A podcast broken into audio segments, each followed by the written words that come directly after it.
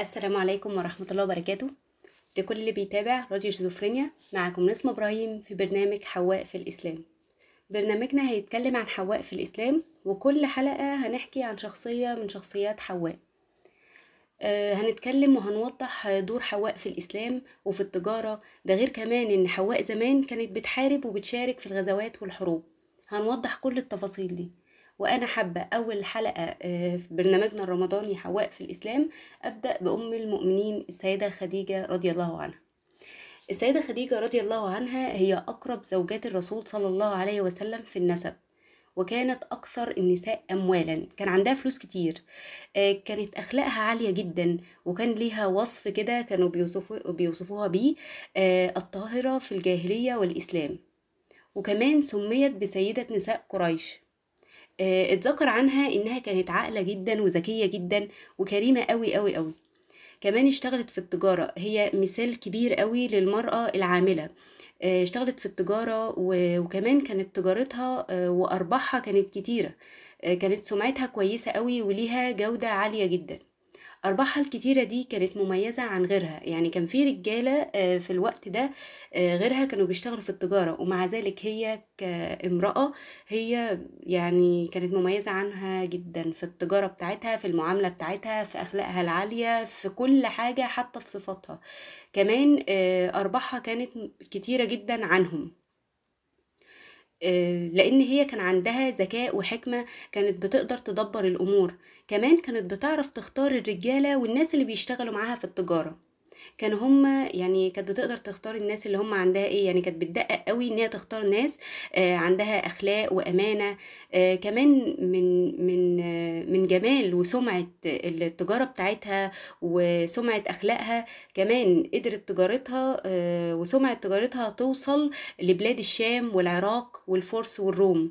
ومش بس كده ده كمان كانت بتساعد الفقراء والم- والمحتاجين. كانت كريمة جدا جدا معاهم. ما كانتش بتبخل على أي حد. طبعا كلنا عارفين السيدة خديجة بنت خويلد زوجة النبي صلى الله عليه وسلم. الرسول صلى الله عليه وسلم كده باختصار الرسول صلى الله عليه وسلم كان معروف بأ- بأخلاقه وكرمه. آه، لما السيدة خديجة سمعت عن أخلاقه وكرمه وأمانته آه، وصدقه عرضت عليه إن هو يخرج بالتجارة بتاعتها وأموالها وتديه أجر وأجر كبير. الرسول صلى الله عليه وسلم وافق وقبل يخرج فعلا آه، بالتجارة بتاعتها آه، مع غلام اسمه ميسرة. ولما رجع من الرحلة آه، ورحلة التجارة دي الغلام قعد يحكي لها ويحكي للسيدة خديجة اللي هو شافه آه، من الرسول الكريم صلى الله عليه وسلم عن كرمه وأخلاقه وعن حسن أخلاقه فعلا. آه، كمان هي لاحظت إن في أمانة وبركة كبيرة قوي في أموالها هي ما شافتهاش قبل كده من ساعة ما الرسول صلى الله عليه وسلم هو اللي بقى بيشتغل في التجارة بتاعتها. ومن ساعة ما هو مسك أموالها لحظة يعني آه، بركة كبيرة قوي في الأموال بتاع بتاعتها. ومن ساعتها فعلا أدركت إن هو ده الزوج المناسب ليها. آه، أخبرت صديقتها كان لها صديقة اسمها نفيسة أخبرتها وراحت فعلا نفيسة إن هي آه، راحت الرسول صلى الله عليه وسلم تعرض عليه الزواج من السيدة خديجة. آه، الرسول صلى الله عليه وسلم قبل وكانت السيدة خديجة عمرها في الوقت ده أربعين سنة. وأنجبت منه آه، القاسم وعبد الله وتوفوا وأنجبت منه أربع بنات السيدة زينب والسيدة رقية والسيدة فاطمة وأم كلثوم. كمان السيدة خديجة كانت زوجة صالحة جدا جدا. فعلا بجد السيدة خديجة مثال كبير جدا لينا كلنا آه، الزوجة الصالحة المرأة العاملة ال- ال- المرأة الخلوقة الكريمة آه، يعني المفروض إننا ناخد النساء دول هم دول اللي يتاخدوا قدوة فعلا يا جماعة في حياتنا. آه، السيدة خديجة كانت زوجة صالحة جدا وكريمة وربنا سبحانه وتعالى وصفها بأم المؤمنين. سكنت مع النبي صلى الله عليه وسلم في مكة المكرمة. كان يعني كانوا ساكنين في بيت يعني متواضع جدا يعني كانت على قد ما بتقدر بتهيأ للنبي صلى الله عليه وسلم كانت بتهيأ له الراحة والسعادة وكانت بتهيأها بكل رضا وحب وسعادة من جواها فعلا.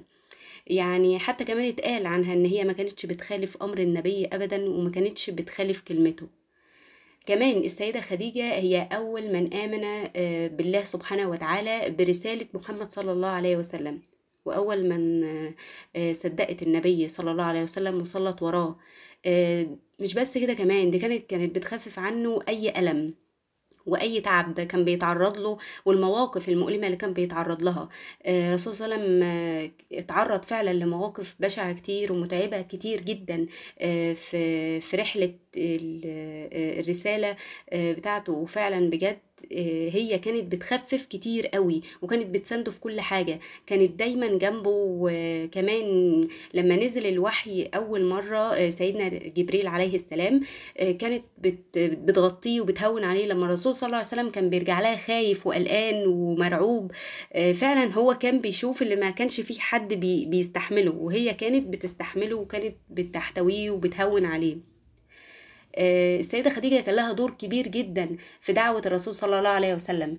كانت سند للرسول صلى الله عليه وسلم في في بعثته. كانت مؤمنة بشخصيته جدا وبأفكاره. آه، شافت فيه كل الكمالات البشرية. يعني كانت بتسنده ولما كان آه، كان بيعتكف كمان في غار حراء قبل البعثة الرسول صلى الله عليه وسلم كان بيخرج لغار حراء بالأيام. يعني في الطبيعي كان بيخرج بالأيام. وفي العادة كان بيخرج كان بيوصل إن هو مش بيقعد أيام بس كان بيقعد بالشهر. آه، كانت بتزوده بقى بالطعام والشراب كل اللي كان بيحتاجه كانت بتقدمه له. آه، كان ليها دور كبير قوي كمان إن هي تطمنه وبتهديه. آه، وكان ليها دور كبير لما كان الكفار حصروا كفار قريش لما حصروا المسلمين ومنعوا عنهم إن هم يوصل لهم أكل وشرب منعوا كمان إن هم يتجوزوا منعوا إن حد إن هم يبيعوا ويشتروا لدرجة إن وصلوا فعلا إن هم كانوا بياكلوا ورق الشجر آه، هي اللي كانت بتوصل لهم الأكل والشرب في في الدرة كده في الخفاء كده. وده كان آه، آه، عن طريق ابن أخوها كان اسمه حكيم ابن خويلد. وأنفقت فلوسها تقريبا علشان خاطر تساند الرسول صلى الله عليه وسلم آه، السيدة خديجة أم المؤمنين رضي الله عنها مثال آه، للأم والأخت والصديقة مثال للزوجة الصالحة مثال للمرأة العاملة مثال وقدوة لينا كلنا. آه، وبس كده. خلصت حلقتنا النهاردة. استنونا الحلقة الجاية في نفس الميعاد إن شاء الله. باي باي.